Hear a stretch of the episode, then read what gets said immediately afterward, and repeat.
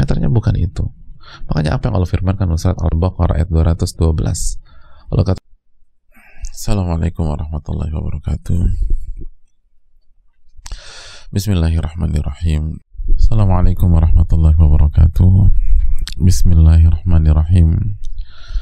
Alhamdulillahi rabbil alamin. Wabihi nasta'in ala umuri dunia wa din. Wa nashhadu an la ilaha illallah wahdahu anna muhammadan abduhu wa rasuluh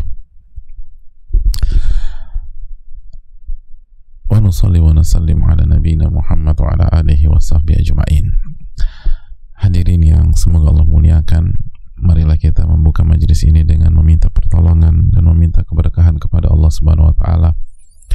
Dengan menyebut namanya semoga kita mendapatkan ilmu yang bermanfaat semoga kita mendapatkan keberkahan di dalam hidup dan bisa bahagia di dunia maupun di akhirat. Sebagaimana kita bersyukur kepada Allah atas segala nikmat yang Allah berikan kepada kita. Khususnya nikmat ilmu, nikmat iman, nikmat Islam. Dan dengannya kita akan bahagia di dunia dan di akhirat.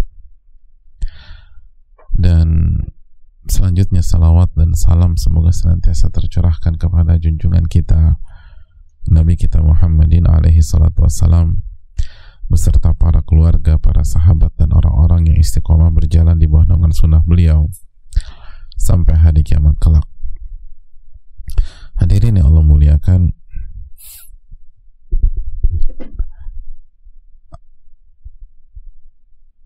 kita akan masuk atau kita akan kembali bersama dengan Al-Imam An-Nawawi rahimahullahu taala.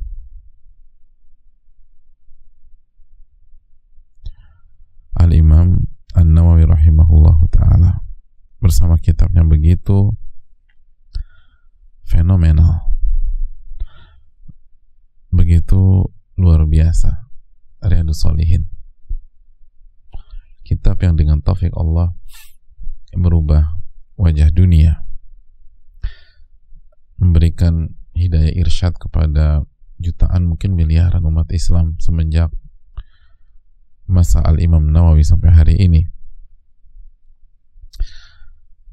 Kitab yang dikaji oleh para ulama maka sebuah keberuntungan ketika kita diberikan kesempatan untuk bisa menikmati suguhan ayat dan hadis yang dibawakan oleh Al-Imam An-Nawawi rahimahullahu taala Hadirin Allah muliakan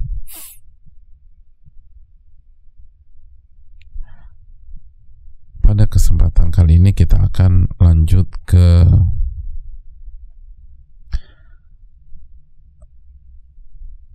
hadis yang kedua dari bab ketakwaan. Setelah pada pertemuan yang lalu jemaah kita sudah menjelaskan tentang kunci menjadi orang yang mulia dan jadi orang yang terbaik. Kita sudah jelaskan bagaimana pentingnya ketakwaan untuk jadi orang yang termulia. Lalu kita pun juga uh, dibuka mata kita bahwa nasab soleh itu penting. Nasab atau garis keturunan yang soleh itu punya pengaruh. Lalu kita juga diberikan harapan oleh Nabi SAW khususnya kita yang punya masa lalu yang jauh dari Allah Subhanahu wa taala. Tapi kita punya prestasi. Khiyaruhum fil Islam. Eh, khiyaruhum fil jahiliyah, khiyaruhum fil Islam idza faquhu.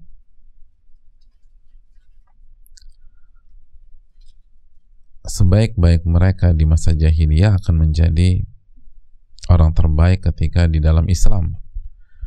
Dengan syarat fakuhu dengan mentumbahkan qaf fakuhu dan artinya adalah menjadikan ilmu sebagai karakter. Oleh karena itu jika kita ingin menjadi orang yang terbaik setelah kita hidup bertahun-tahun di masa di mana kita jauh dari Allah nggak ngerti tentang Allah dan apa yang Allah sukai dan apa yang Allah benci semua ditabrak yang berkaitan dengan halal haram. Tapi punya prestasi mbak. Masya Allah. Mentalnya kuat. Di bidangnya itu salah satu yang terbaik. Maka orang-orang kayak gini punya potensi untuk jadi yang terbaik. Untuk punya nasab yang bagus kata para ulama. Atau orangnya tuh baik sama manusia jujur hangat nggak ngurusin orang. Dan suka berbuat baik suka bantu sana bantu sini. Tapi masalahnya dia belum dapat hidayah untuk kembali kepada Allah. Sebagian belum mau sholat, sebagian belum mau belajar, belum bertauhid, ada yang belum berhijab dan seterusnya. Nah itu kalau dapat hidayah, ia berpotensi. Bukan hanya menjadi orang baik, tapi dia menjadi orang yang terbaik dengan syarat fakuhu tadi. Maka kuncinya jamaah sekalian belajar diamalkan, belajar diamalkan, belajar dan diamalkan sehingga ilmu menjadi karakter. Ilmu menjadi karakter. Jadi kita harus semangat belajar dan diamalkan. Dan untuk bisa punya pola belajar mengamalkan, belajar mengamalkan, maka kata para ulama kita harus memuliakan ilmu. Kita harus memuliakan ilmu.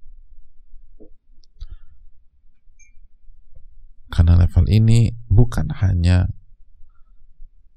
dengan belajar, tapi harus dengan memuliakan. Sebagaimana dijelaskan oleh Imam Az-Zarnuji rahimahullah. Dijelaskan oleh Syekh Saleh Usaimi hafizahullah. Bahkan ada kaidah di dunia ilmu, man la yukrimul ilma la yukrimuhul ilmu. Barang siapa yang tidak memuliakan ilmu, ilmu tidak akan memuliakan dirinya. Ulama mengatakan barang siapa yang tidak memuliakan ilmu dan ahli ilmu, maka dia tidak akan mulia dengan ilmunya walaupun belajar bertahun-tahun. Tapi dia tidak memuliakan ilmu, dia tidak memuliakan ahli ilmu, tidak akan bisa jadi fakuhu, tidak akan pernah memiliki karakter ilmiah. Karakter yang penuh dengan ilmu. Itu kesimpulan kita pada pertemuan yang lalu. Lalu kita melangkah ke hadis Abu Sa'id Al-Khudri hadirin. Hadis kedua dalam bab ketakwaan. Mari kita kembali bersama Imam Nawawi. Berkata Al-Imam An-Nawawi rahimahullah, semoga Allah merahmati beliau, merahmati orang-orang yang beliau cintai dan merahmati kaum muslimin di mana pun berada. Beliau menyampaikan an Abi Sa'id Al-Khudri. An Abi Sa'id Al-Khudri radhiyallahu taala anhu dari Abu Sa'id Al-Khudri. Semoga Allah meridhai beliau. Anin Nabi sallallahu alaihi wasallam. Dari Nabi sallallahu alaihi wasallam qal beliau bersabda inna dunya khulwatun khadirah sesungguhnya dunia itu manis dan hijau sesungguhnya dunia itu manis dan hijau. Jadi hadirin Allah muliakan sesungguhnya dunia itu manis dan hijau. Wa inna Allah Wa inna Allah dan sesungguhnya Allah Subhanahu wa taala.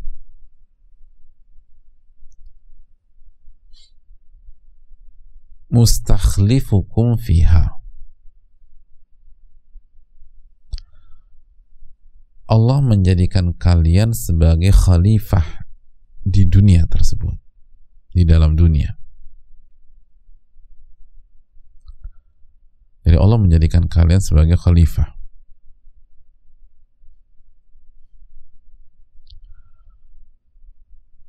Fayanzur kaifa ta'malun. Lalu Allah lihat bagaimana kalian beramal di dunia.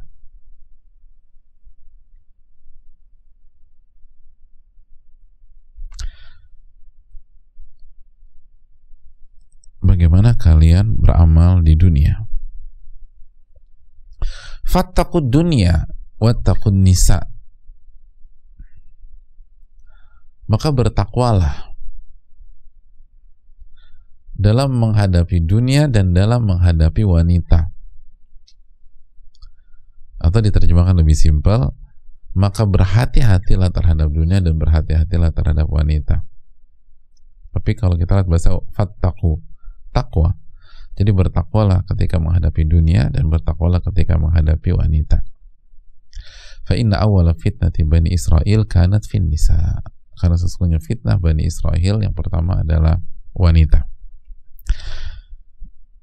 Hadirin Allah muliakan, mari kita mulai dari awal hadis tersebut. Ketika Nabi Shallallahu Alaihi Wasallam bersabda, Inna dunya hulwatun khadirah dunia itu manis dan hijau. Manis dan hijau. Uh, hadirin Allah muliakan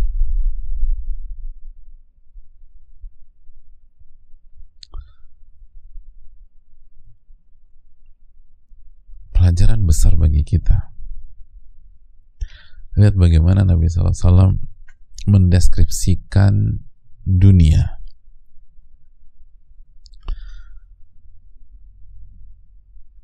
Dengan menggunakan dua hal.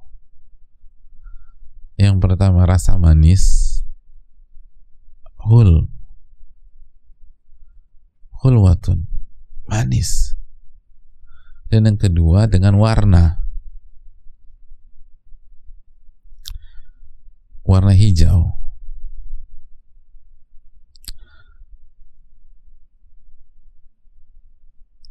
Jadi dunia itu manis dan hijau.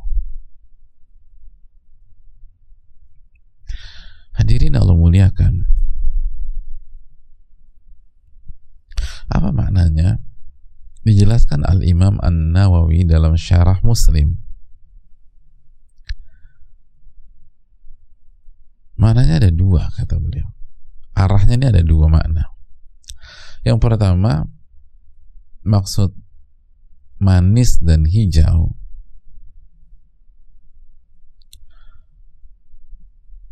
husnuha nufus wa nadaratuha wa ladzatuha kal fakihatil khadra al-hulwa fa inna nufus tatlubuha talaban hathitha fakadzat dunia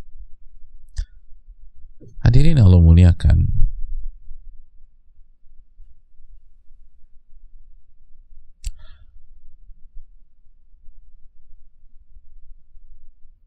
Maksudnya yang pertama karena indahnya dunia di dalam hati seseorang.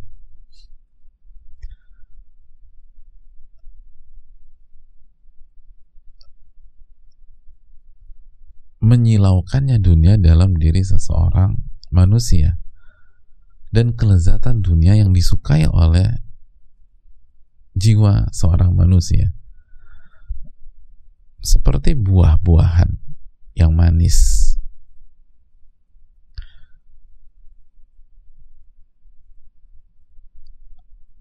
Atau pemandangan hijau.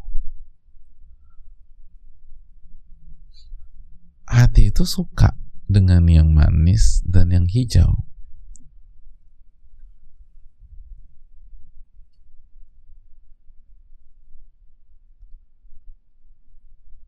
Hadirin Allah muliakan. Dan kan memang ada penelitiannya. Sebagian meneliti bahwa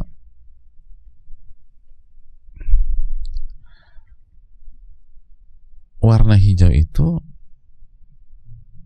memiliki kecenderungan menenangkan.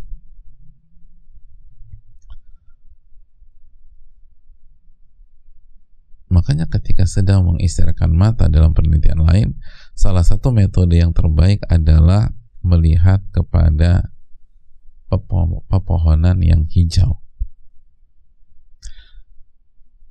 Karena hasil sebagian penelitian hijau itu mendapatkan relaksasi dan menenangkan mata gitu. Makanya kan juga digunakan untuk sesuatu yang menyenangkan. Contohnya apa? Uang gitu. Apa bahasa pergaulan kita? Kalau lihat duit aja hijau mata lo gitu misalnya gitu ya. Duit aja mata lo hijau gitu. Hijau jadi nggak pakai merah. Merah sakit mata gitu loh.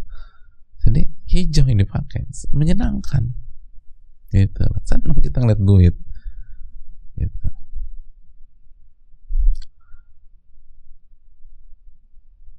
Jadi lihat bagaimana Nabi SAW menjelaskan hal ini. Jadi, kenapa hijau? Kenapa nggak yang lain? Karena memang hijau itu mana?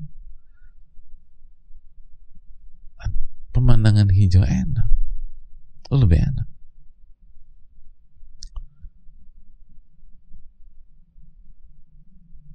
Padang pasir tuh bagus ya mas kalian. Yang benar-benar padang pasir ya. Kalau pernah. Tapi jelas nggak bisa disamakan dengan melihat pemandangan hijau. Oh beda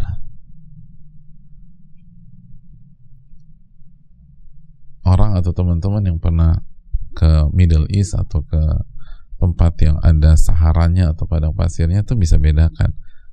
Bagus gitu, bergelombang segala macam. Apalagi kalau pernah uh, touring uh, pakai mobil ke padang pasir begitu kan pengalaman yang menyenangkan ya. Tapi beda sama ngelihat pemandangan hijau. Itu mata tuh kayak sejuk banget. Nah begitu juga dengan dunia. Oh seneng kita sama dunia. Fasilitas dunia keindahan dunia itu hijau dan manis hijau dan manis. Hijau dan manis.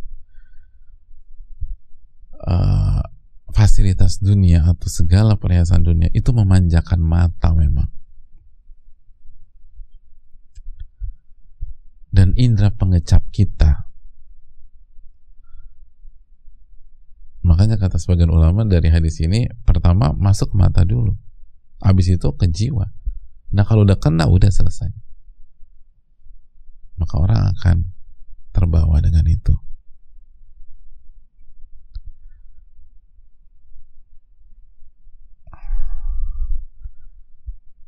Itu mana yang pertama. Mana yang kedua?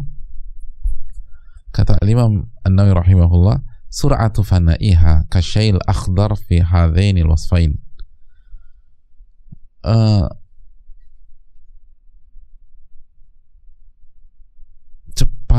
cepatnya berlalu sebuah dunia. Jadi durasinya itu cepat dunia itu. Durasinya cepat, itu maknanya.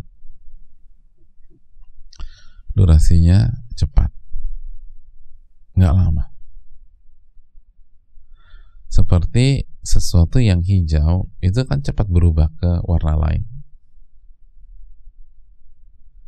Gitu lah. Buah-buahan tuh yang hijau kan nggak selamanya hijau habis habis hijau pindah lagi ke warna yang lain. Masih hijau nih tapi habis itu berubah. Nggak nggak nggak setiap nggak artinya banyak buah-buahan misalnya yang nggak selamanya hijau terus. Ya ada sih itu buah-buahan yang hijau terus ada tapi banyak yang cepat berubah. Jadi itu maknanya. Durasinya cepat dunia. Durasinya cepat.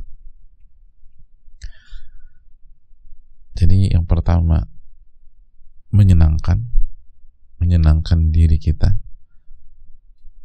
Begitu manis,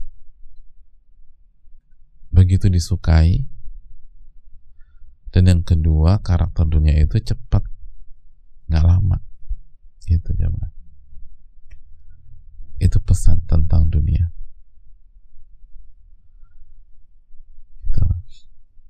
jadi hadirin Allah muliakan.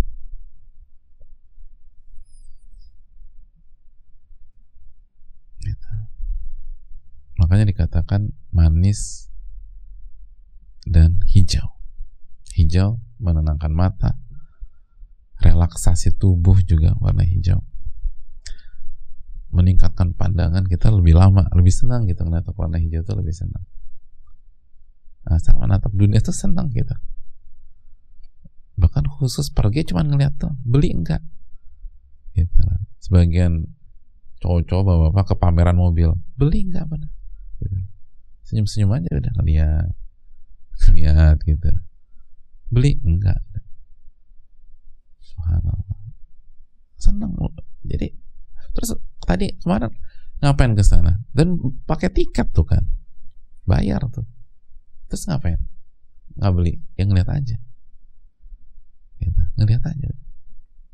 Enak emang. Dilihat tuh enak. Gitu. Pakai wardrobe atau baju meyakinkan gitu. Baru datang sana. Terangin ngangguk-ngangguk gitu. Beli? Enggak enggak beli. Cuma datang aja ke situ. Cara macam-macam nyobain duduk. Udah nyobain duduk aja. Duduk nyobain di jok depan gitu gitu. Hadirin Allah muliakan. Emang enak gitu. Terus juga dampak uh, psikosomatis gitu loh. Dan sugesti. Itu kan dunia begitu. Kasih sugesti kasih sugesti. Hijau. Hijau tuh begitu tapi sebentar. Sebentar. Sebentar. Lihat sawah hijau. Habis itu mengkuning udah. Sebentar aja nggak lama-lama. Sebentar. Oh ini luar biasa jemaah. Jadi itulah dunia. Dunia itu makanya kita harus benar-benar uh, camkan masak-masak dan ngerti gitu loh. Ya sama kalau kita mau nyebur ke sebuah kolam kita tahu salah satu kita tahu nih kedalamannya berapa. Kita mau menyem, kita suruh berenang melewati sebuah sungai. Cek dulu tahu dulu di dalam sungai ini ada apa gitu loh. Udah beres ternyata di seberangnya Amazon misalnya. Aduh repot. Ya ada buaya lah di situ ada anaconda lah di situ. Ada piranha lah di sana. Jangan main nyebur-nyebur aja. Kita hidup di dunia, ngerti dulu nih di dunia ini ada apa, karakternya kayak apa. Jangan nggak ngerti terus langsung cukup-cukup ah, ah saya bisa jaga diri. Saya bukan anak kecil lagi. Halo, baca dulu apa keterangan Allah dan Rasulnya SAW tentang dunia? Jangan langsung kepedean. Di antaranya kata Nabi SAW ini dunia ini ini manisnya luar biasa dan hijaunya luar biasa. Ada. Nggak gampang bilang ah, saya bisa jaga diri itu nggak gampang. Kalau udah berada di di tengah-tengah fasilitas dunia perhiasan dunia nggak gampang. Karena ini manis. Kan gitu ya emang gampang segerombolan semut meninggalkan gula? Susah. Coba kita usir semut dari gula. Susah coba. Manis soalnya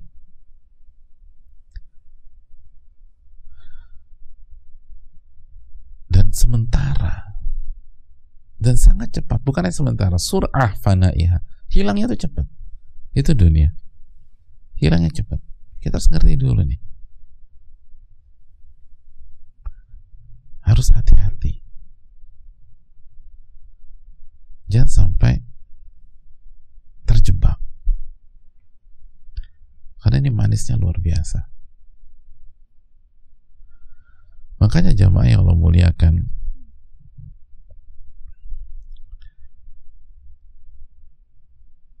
Allah Subhanahu wa taala menjelaskan tentang dunia dalam surat Al-Hadid ayat 20. Coba kita lihat ayat ini, ayat ini menarik.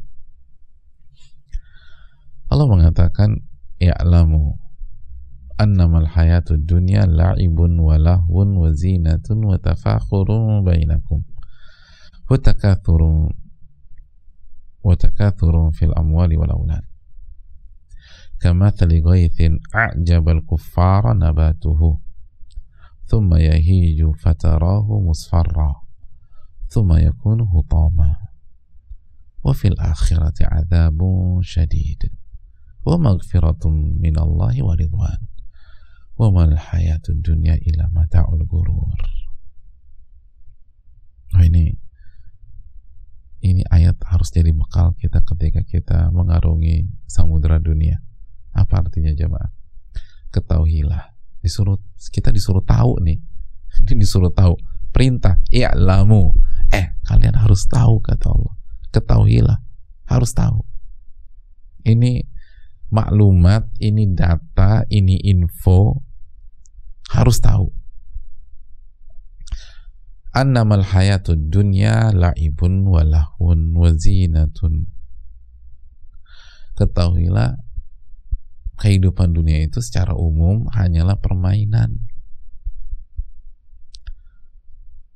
Dan sesuatu yang melalaikan secara umum.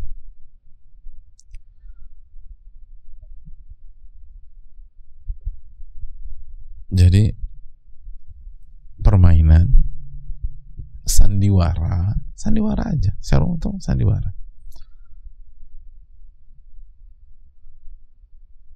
Dari uh,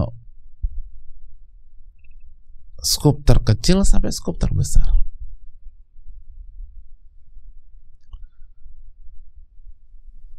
Semua sandiwara.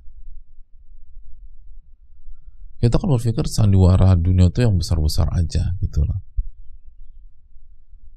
Enggak, kehidupan kehidupan keseharian kita pun isinya bumbu-bumbu sandiwara. Sandiwara. Menutup-nutupi. Ya kan? Makanya hadirin Allah muliakan kita mau ngumpul sama teman-teman. Pas mau berangkat ribut besar sama istri atau sama suami. Berantem. Ribut. Di perjalanan masih ke bawah kalau suami marah lagi marah besar sambil nyetir mobil. Kalau itu istri berapa pergi dan dalam perjalanan masih nangis tuh. Ribut besar nangis. Sampailah ke lokasi ngumpul sama teman-teman begitu sampai lokasi kalau dia wanita atau istri langsung turun nggak? Enggak. Ngapain dulu? Cari cermin gitu. terus ambil bedak. Terus udah deh tuh muka di ini ini. Baru setelah kesannya nggak ada apa-apa turun. Terus ketemu teman-teman ditanya eh gimana? Gimana bini lo gimana laki lo baik-baik aja jawabannya apa baik masya Allah baik alhamdulillah baik gimana baik orang kum tadi baru ribut besar tapi kan sandiwara Nah, semua ingin menunjukkan nggak ada masalah. Semua problem bisa diselesaikan. Nah, sandiwara. Nah, kalau kita bisa melakukan hal itu, ya teman kita juga bisa lakukan hal itulah. Kalau kita bisa lakukan itu, ya sahabat kita juga bisa lakukan hal itu. Gitu aja. Jadi kalau kita bisa bersandiwara dan itu kita gunakan dalam kehidupan kita, ya orang lain juga gunakan hal itu. Karena itu itu bukan itu bukan karakter kita semata. Itu karakter kehidupan dunia tuh begitu. Karakter kehidupan dunia itu nggak bisa lepas dengan sandiwara. Permainan. Permainan sandiwara dan lain-lain. Walahun dan melalaikan. Melalaikan. Wazinatun dan perhiasan. Untuk menghiasi. Wa tafakhurun bainakum wa takathurun fil amwali wal aulad. Dan berbangga-bangga di antara kalian dan berbangga-bangga bermegah-megah dan banyak-banyakan harta dan anak. Jadi main banyak-banyakan. Banyak-banyakan. Hadirin Allah muliakan.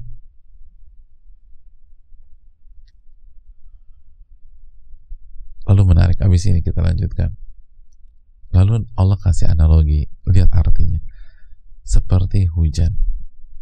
Kama tali goit seperti hujan yang tanam tanamannya mengagumkan para petani.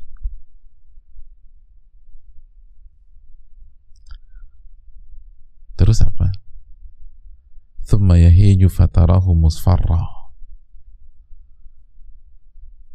Tapi kemudian tanaman itu menjadi kering. Lalu kalian lalu kalian lihat warnanya kuning atau anda lihat atau kamu lihat warnanya kuning. Kemudian menjadi hancur. Nah lihat itu. Lihat ini analogi dunia. Seperti hujan. A'jabal kuffara nabatuhu. Hujan. Hujan itu kan membuat tanaman tumbuh nah ketika tumbuh kan warnanya hijau-hijau secara umum, secara umum tumbuhan hijau. Mengagumkan para petani. A'jabal kuffara nabatuhu mengagumkan. Tapi nggak lama. Terus kamu terus kemudian tanaman itu kering terus kamu lihat warnanya jadi kuning terus mati deh. Itu mati. Itu dah. Cepet cepet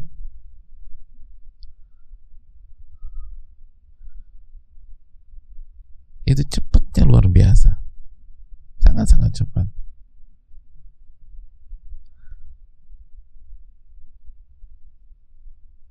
Hadirin coba kita lihat sebagian ulama menjelaskan. Lihat uh, struktur dari kalimat ini. Masih di masih di analogi tadi. Kita bisa lihat uh, terjemahnya aja. Seperti hujan yang tanamannya mengagumkan para petani. Lihat ini dunia. Analogi kedua analogi tentang dunia. Mengagumkan para petani. Mengagumkan ahli dunia dan seterusnya. Nah, hadirin yang Allah muliakan, lihat yang jadi subjek dan objek itu siapa? Yang jadi subjek tanaman, ya kan? Tanaman yang mengagumkan. Objeknya petani. Jadi ini pelajaran kalau kita menjadi ahli dunia, kita akan selalu jadi objek kehidupan dan korban permainan dan korban sandiwara dan korban komoditi yang ada di dunia. Lihat, mana subjek, mana objek. Tanaman-tanaman itu subjek kan, mengagumkan kata kerja, para petani atau kufar orang-orang yang kufur kepada Allah Subhanahu wa taala dan seterusnya. Jadi kata ulama ini pelajaran dalam. A'jabal kuffara nabatuhu. Nabat itu subjek. Kufar objek. Ini menjelaskan orang yang jauh jauh orang yang akhirnya jauh dari Allah, kufur kepada Allah karena menjadi ahli dunia. Karena hidupnya dunia, dunia, dunia, dunia, dunia, dunia. Hari weekdays dunia, weekend juga dunia. Pagi dunia, siang dunia, sore dunia, malam dunia. Gak ada waktu untuk Allah dan seterusnya. Gak ada waktu untuk firman Allah. Gak ada gak ada waktu dengan Al-Quranul Karim. Hadirin Allah muliakan sejatinya mereka hanyalah objek aja mereka jadi korban. Walaupun terkesan sebagian mereka bos di perusahaannya. Sebagian mereka petinggi di bidangnya. Sebagian mereka tokoh di dunianya. Tapi kalau mereka ahli dunia artinya hidupnya udah dunia aja terus. Nggak dekat sama Allah beda dengan orang kaya tapi dekat sama Allah ya itu bukan ahli dunia. Abu Bakar radhiyallahu taala anhu Umar radhiyallahu taala anhu Utsman radhiyallahu taala anhu Ali bin Abi Thalib radhiyallahu taala anhu. Nabi Sulaiman alaihi salam Nabi Daud alaihi salam. Dekat sama Allah. Tapi kalau ahli dunia walaupun secara zohir, secara kasat mata dia bos. Dia komisaris. Dia pemegang saham mayoritas. Dia CEO. Dia owner. Sejatinya dia hanyalah objek. Objek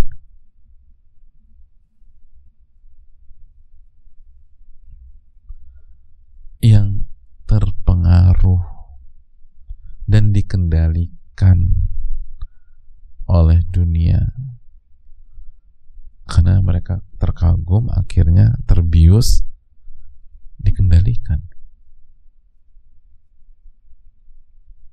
Dikendalikan.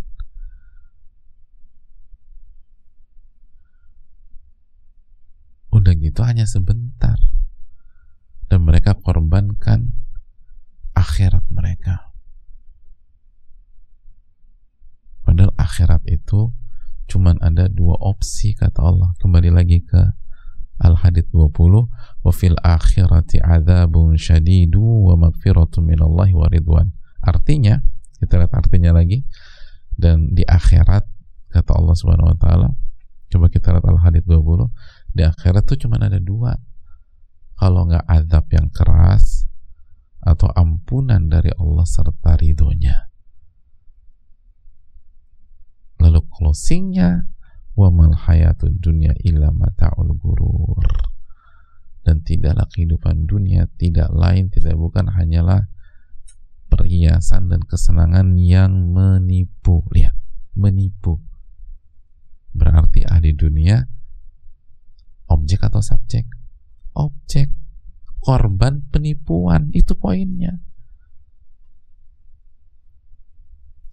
korban penipuan wa mal hayatu dunya illa mataul gurur tidaklah kehidupan dunia kecuali kesenangan yang menipu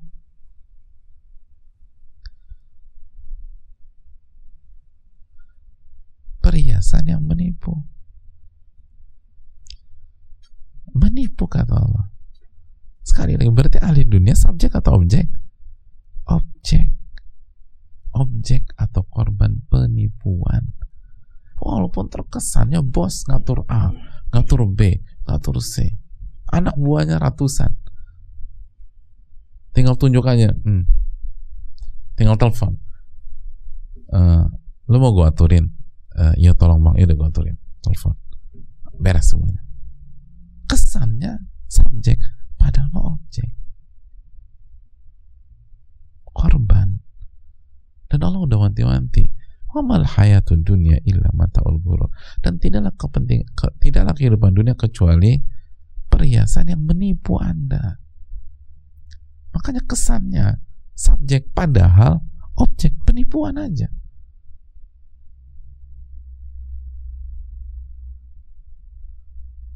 Maksudnya apa sih objek itu dikendalikan hadirin. Diatur makanya kalau kita lihat ahli dunia benar dia nggak punya kebebasan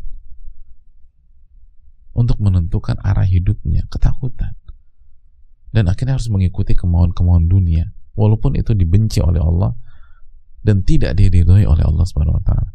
Beda dengan ahli akhirat. Beda dengan orang yang dekat dengan Allah. Walaupun nggak punya uang, mereka subjek dalam kehidupan mereka. Wah itu enak. Mereka subjek dalam kehidupan mereka. Mereka subjek dalam kehidupan mereka. Makanya hadirin Allah muliakan. Makanya kelanjutan hadis ini apa? Kita balik lagi ke hadisnya. Wa inna Allah mustakhlifukum fiha fayanzur kaifa ta'malun.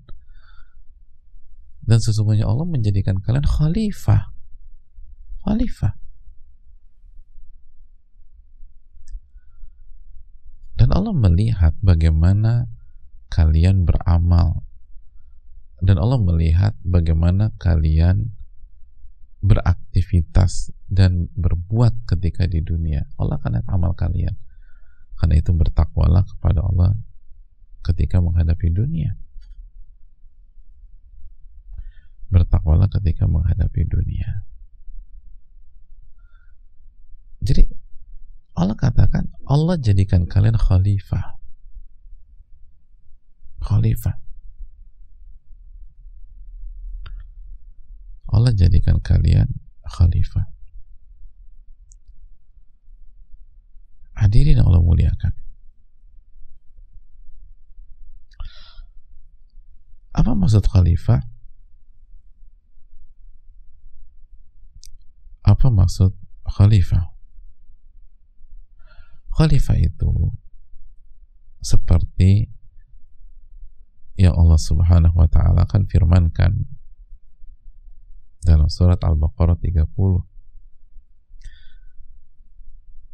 Allah wa idh qala rabbuka lil malaikati inni ja'ilun fil ardi khalifah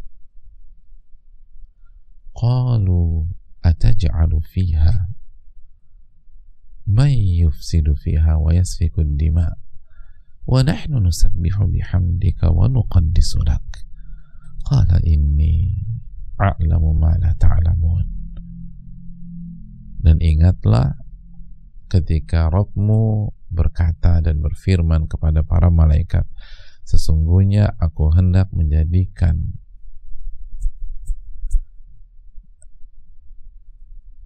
sesok apa sebuah pihak menjadi khalifah di muka bumi.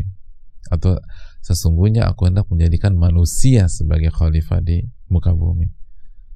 Malaikat tanya, kenapa ya Allah engkau hendak menjadikan manusia khalifah di muka bumi sedangkan mereka melakukan kerusakan dan menumpahkan darah.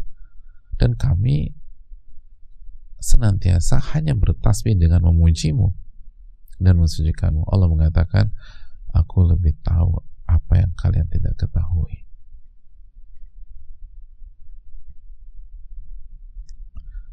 Itu jamaah. Dan khalifah artinya yang tinggal di dunia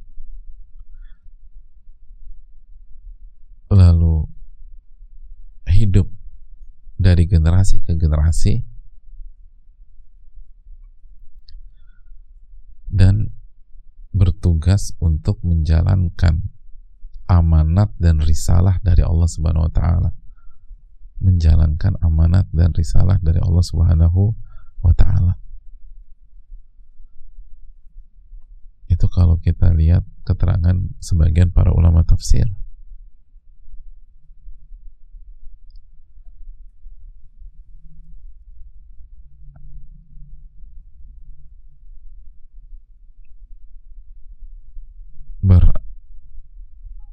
Di sana. Lalu generasi demi generasi kan khalifah itu apa uh, generasi yang satu melanjutkan generasi sebelumnya itu khalifah. Terus demikian. Itulah alasan kenapa pemimpin atau kenapa Abu Bakar radhiyallahu taala anhu ketika memimpin umat Islam dinamakan khalifah karena Abu Bakar menggantikan Nabi SAW dan melanjutkan kepemimpinan Nabi SAW itu khalifah. Jadi dilanjutkan dilanjutkan dilanjutkan. Suksesor kalau mungkin bahasa kita sekarang. Jadi khalifah itu hidup di, di dunia lalu bergenerasi-generasi satu generasi melanjutkan generasi sebelumnya lalu dilanjutkan lagi dengan generasi sesudahnya, lalu dilanjutkan lagi oleh generasi selanjutnya, dan tugas mereka adalah menjalankan amanat dan risalah dari Allah Subhanahu wa taala. Gitu. Jadi tugas manusia simpel aja, tugas manusia itu jadi subjek di dunia. Dia yang ngatur dunia. Dengan apa diatur? Dengan amanah dan risalah dari Allah. Dengan aturan dari Robnya. Dia ngatur. Tapi begitu kita jadi ahli dunia terjadi perubahan peta dalam kehidupan kita. Yang awalnya kita jadi subjek kita jadi objek gitu. Bener deh. Makanya kita lihat orang yang benar-benar berusaha menjalankan Al-Quranul Karim dalam kehidupannya. Menjalankan hadis Nabi SAW walaupun nggak punya apa-apa tapi dia bisa jadi subjek. Dia ngatur kehidupannya. Tapi ahli dunia nggak bisa ngatur kehidupannya. Makanya lihat sebagian mereka kalau cekcok sama istri apa? Istrinya bilang gini kamu tuh nggak pernah punya waktu untuk anak-anak. Masa weekend aja sibuk dengan klien misalnya gitu. Apa jawaban suaminya? Ya kamu harus ngerti aku dong. Aku nggak punya pilihan. Ini kerjaanku. Mereka mintanya meeting hari ini.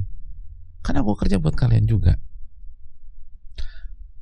Saya nggak mau masuk dari sisi mana pun tapi lihat saya nggak punya pilihan.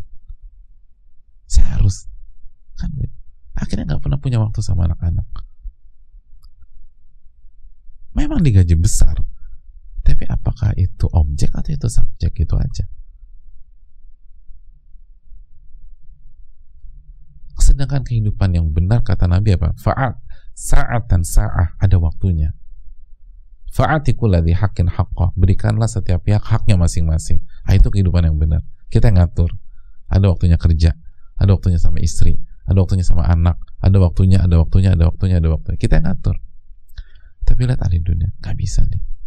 Dia diatur. Diatur oleh dunianya. Terkesan dia bos, padahal enggak. Dia diatur.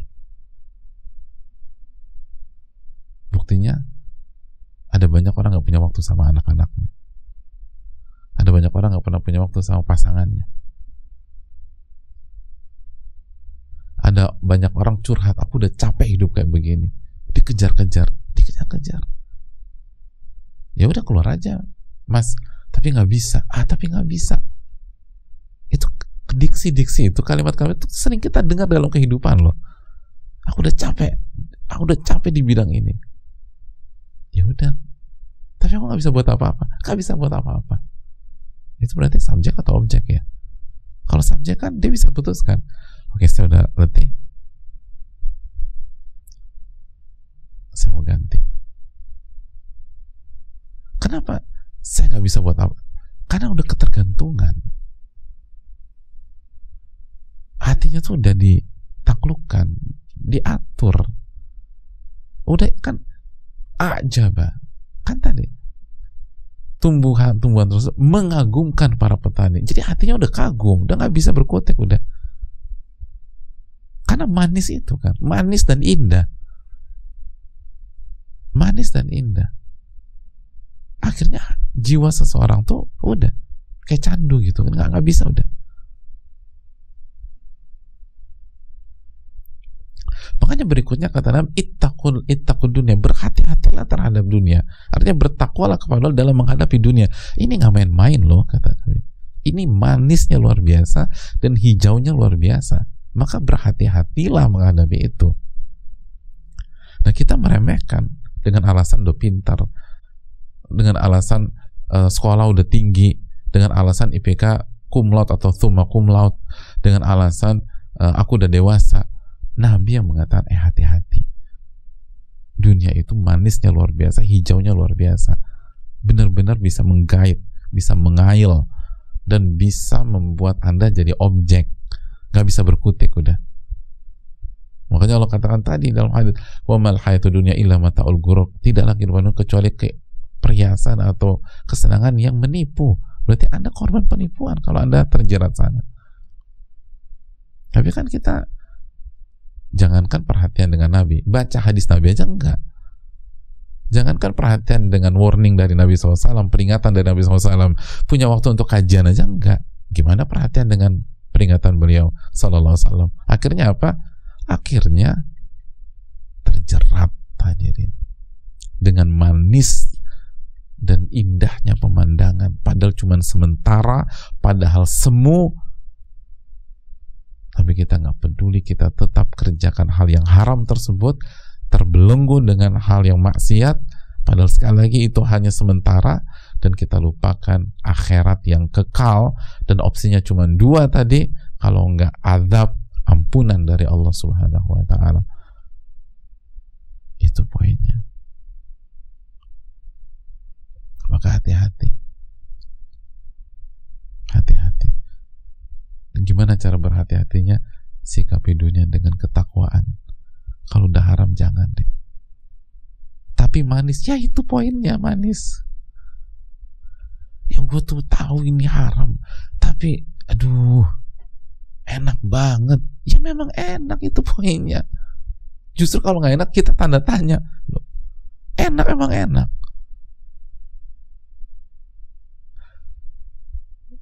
Makanya kan kita aduh aku nggak bisa belum bisa ninggalin ini. Aku tahu ini maksiat. Kenapa sih mas? Eh, habisan tuh sensasinya itu loh. Ya memang itu poinnya Nabi katakan hulwatun khodiratun manis dan hijau itu hijau tuh mata tuh jadi relax tenang nyaman itu poinnya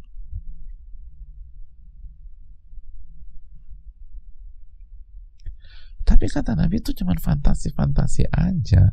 Lah ibun sandiwara udah. Dan sebentar, semu kata keterangan Imam Nawawi. Gak lama. Itu tadi warna hijau tumbuh apa tumbuhannya mengagumkan. Tapi apa kata Allah Subhanahu wa taala? Lalu jadi kering. Habis kering, kuning, kuning, mati deh tuh. Udah gitu aja. Siklus begitu. Siklus demikian. makanan terenak di dunia itu kan kalau ketelan udah hilang nikmatnya dan nggak ada juga di antara kita yang ngunyah 15 menit. Lo belum belum itu belum kesuapan berikutnya. Sayang bro. 700 700 ribu nih. Aku mau kunyahnya terus 15 menit. Kan ada juga. Cuma ngunyah berapa menit terus telan. Habis telan udah hilang rasanya deh Padahal seporsi 900 ribu, seporsi 2 juta, ada yang seporsi 10 juta, 10 juta. Tapi sebenarnya 10 juta. Saudara kita banyak yang nggak makan. Dia, dia makan satu porsi 10 juta, 15 juta. Dan sebentar aja udah. Begitu masuk keluar masuk ke tenggorokan udah hilang. Hilang dan juga kita nggak mau lama-lama ngunyahnya pegel juga ngunyah dan nggak ada rasanya juga ngunyah yang terus eh itu lo dari tadi ngunyah iya sayang. 10 juta 10 juta. Nggak ada kan atau kalau ketelan ditarik lagi dimuntahin lagi terus diulang dari awal. Kenapa lo muntahin? Uh, tadi ketelan. Ini kan satu porsi 10 juta. Sayang kalau ketelan. Seporsi 10 juta. Aku udah hitung-hitung uh, seporsi ini bisa 10 kali suapan. Berarti satu suapan satu juta. Tadi ketelan gitu. Jadi mau muntahin lagi terus ulang lagi dari awal nggak ada juga yang begitu. Nggak ada. Ini berhati-hati lah. Tapi lihat jadi kita bisa bayangkan betapa manisnya dan hijaunya dunia. Walaupun demikian, jadi, jadi walaupun cuma sebentar dan semu segala macam, tetap aja siklus itu tidak akan berhenti sampai hari kiamat kecuali yang dirahmati oleh Allah Subhanahu wa taala. Ini yang bisa disampaikan dan insya Allah pada pertemuan akan datang kita lanjutkan kepenggalan berikutnya hadis ini tentang wanita. Semoga Allah memberikan taufik kepada kita dan kembali memahami, membuat kita paham tentang hakikat dari dunia dan materi ini untuk kita semua termasuk yang berbicara dan kalau bukan karena pertolongan Allah kita nggak mungkin bisa selamat dari manis dan hijaunya dunia dan marilah kita bertakwa menghadapinya dan berhati-hati uh, tidak ada yang merasa aman dan tidak boleh merasa aman dalam masalah ini. Semoga Allah memberikan taufik kepada kita. Subhanakallahumma wa assalamualaikum warahmatullahi wabarakatuh